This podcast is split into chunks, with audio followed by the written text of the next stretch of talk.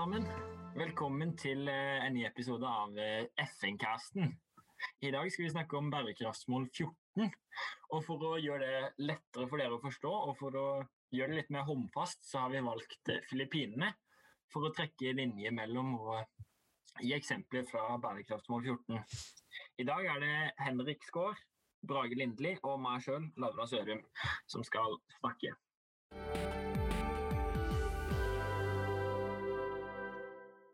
Ja, da, når vi skal snakke om bærekraftsmål, så er det naturlig å ta for seg hva bærekraftig utvikling er.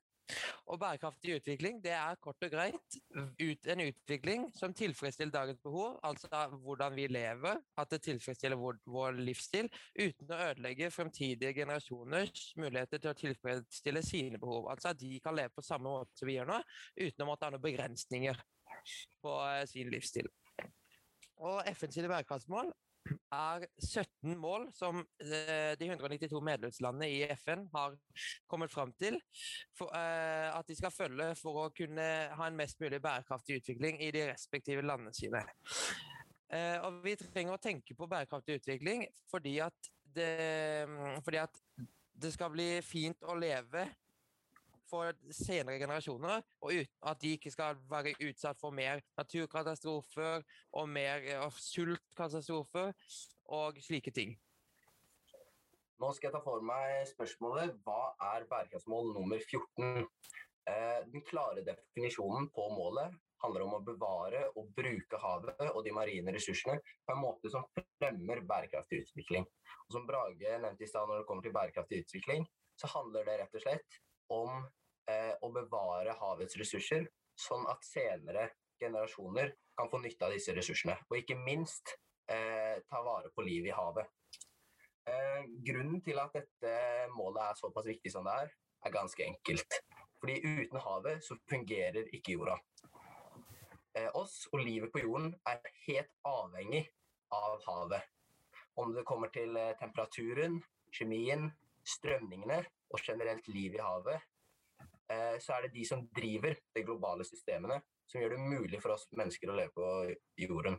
Et eksempel på dette er at over halvparten av oksygenet vi puster inn, kommer fra havet. Så da sier det seg selv at hvis vi mister havet som en ressurs, så mister vi også evnen til å leve på jorden.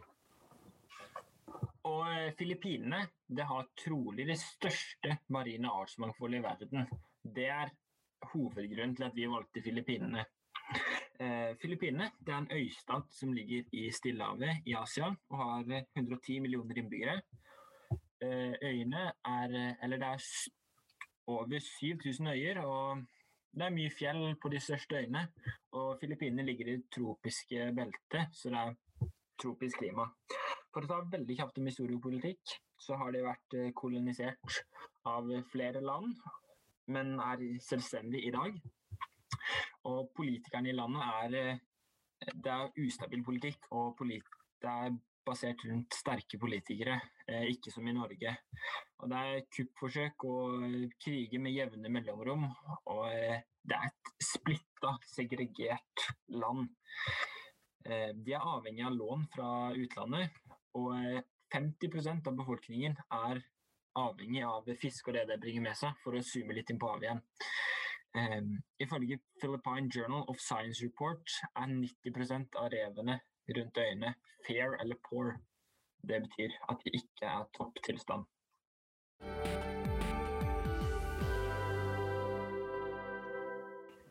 Nå har vi kommet til den uh, spalten der vi skal uh, gå litt mer i dybden på delmåla for å gi uh, litt grundigere informasjon til dere lyttere om hva del, delmålet og bærekraftsmålet går ut på.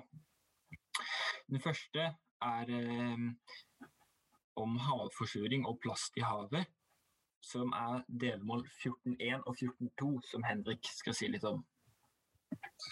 Havforsuring dreier seg om at CO2-innholdet i havet er for høyt.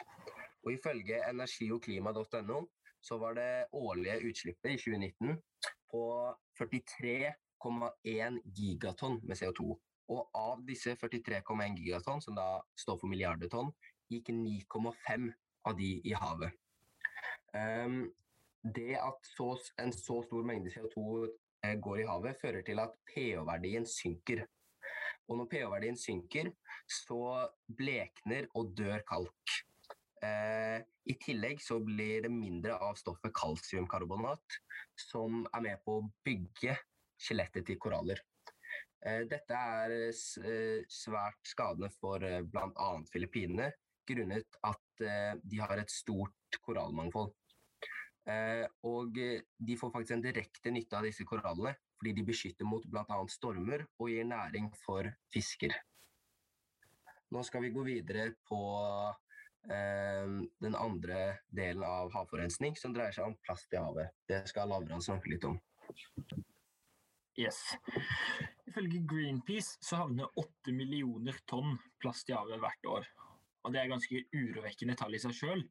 Men fra et uh, filippinsk perspektiv, eller Filippinene står for 840 000 av disse tonna. Det er en sekstendedel all plasten som blir sluppet ut i havet hvert år, kommer fra Filippinene. Og uh, det er 20% av all plasten som blir produsert i Filippinene, ifølge en rapport fra Earth.org og Ocean Conservancy. Ehm, og ifølge FAO er Filippinene verdens åttende største fiskerinasjon. Dvs. Si at uh, fiske er veldig viktig for økonomien på Filippinene og som næringskilde der. Og når vi slipper ut plast i havet, så påvirker det dyra ved at de kan sette seg fast i det og dø. De kan uh, få det i magesekken så de ikke har plast til annen mat og sulte i hjel av det. Eller så kan de få i seg mikroplast og leve videre men da vil den miljøgiften og mikroplasten akkumulere videre oppover i næringskjeden og til slutt ende opp hos menneskene. Og da kan mennesker utvikle sykdommer og eh, eh, få dårligere levevilkår av det. Og siden fisken dør, så vil fiskebransjen på Filippinene enten fiske mer eller finne andre yrker fordi det ikke kommer nok fisk. Så Derfor er det veldig veldig viktig å ivareta liv i havet. Både for menneskets skyld og for det marine mangfoldet. Og det skal Brage snakke mer om nå. Ja, når vi skal ivareta liv i havet, så er det å få slutt på overfiske og uregulert fiske. Og ødeleggende fiskemetoder som er f.eks. bifangst. Og så handler det om å avskaffe sub, eh, subsidier som bidrar til ulovlig, urapportert og uregulert fiske. Altså gi penger til eh, organisasjoner og eh, selskaper som driver med overfiske og overbeskatning på fiskebestandene. Og så handler det om å drive, altså gi fiskere som driver med småskalafiske, tilgang til marine ressurser og markeder. Da kan vi begynne med tørre fakta. 99 av jordklodens ulike arter er i havet. Som betyr da, som ref, referanse til det Lavran sa, om at det er veldig mye av fisken som lever i havet, som da vi må ta vare på for at den ikke skal dø ut. Og 40% av havet er alvorlig ødelagt av menneskelig aktivitet, altså for, og som følge av forurensning, overfiske og ødelagte kystområder. Og eh, hvert dør så dør 100 millioner haier eh, pga. fiske etter haifinner, som brukes i haifinnesuppe, som er en delikatesse i deler av Asia, f.eks. Filippinene.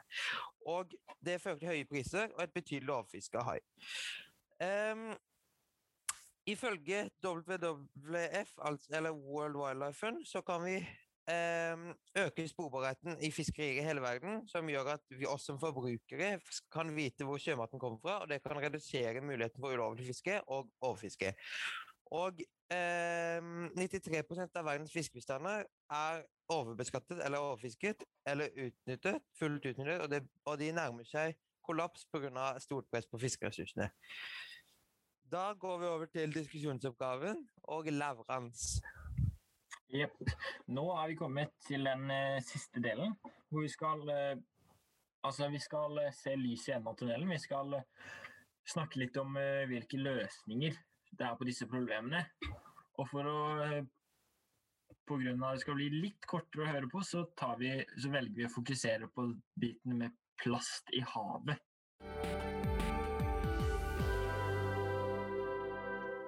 Det er flere organisasjoner rundt i verden som driver med å samle plast fra havet. Eksempel, et eksempel på en internasjonal organisasjon er Ocean Cleanup, som er lokalisert i Nederland. Hvor de har laget en stor håv med, med flyteelementer rundt, med et nett som går dypt nede i havet, som da driver rundt og blir eh, dratt av en båt som kan eh, samle opp plast. Og eksempel hvis de dro, hvis de kjørte over med den båten på hotspoten med masse, store deler av havets plast i Stillehavet, så kunne de fått samla opp mm, store deler, og så hadde problemet vært delvis løst.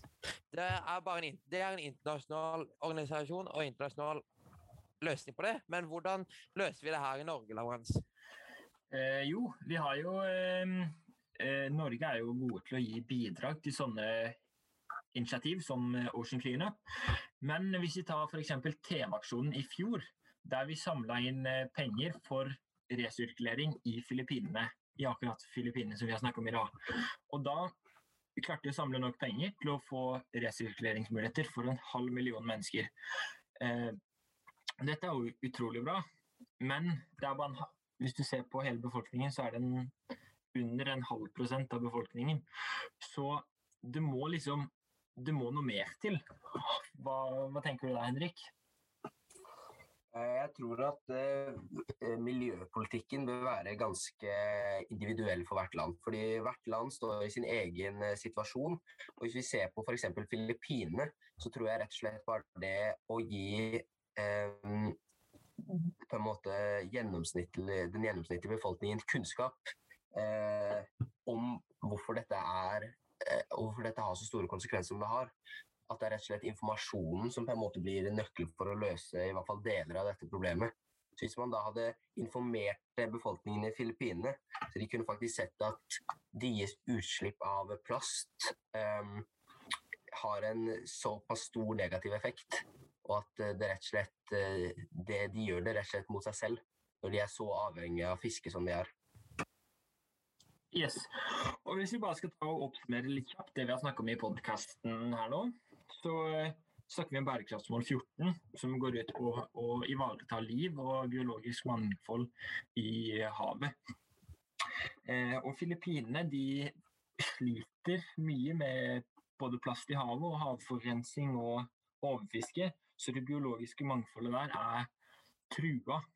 Så det mennesker kan gjøre, er å resirkulere mer, produsere mindre plast og plukke opp plast fra havet. Så jeg tenker Vi kan avslutte med å minne dere på det gamle kjerringrådet og gjøre det finere når dere drar enn når dere kom. Så med det tenker jeg vi egentlig kan si ha det, og takk for at dere hørte på. Ha det bra. Ha det.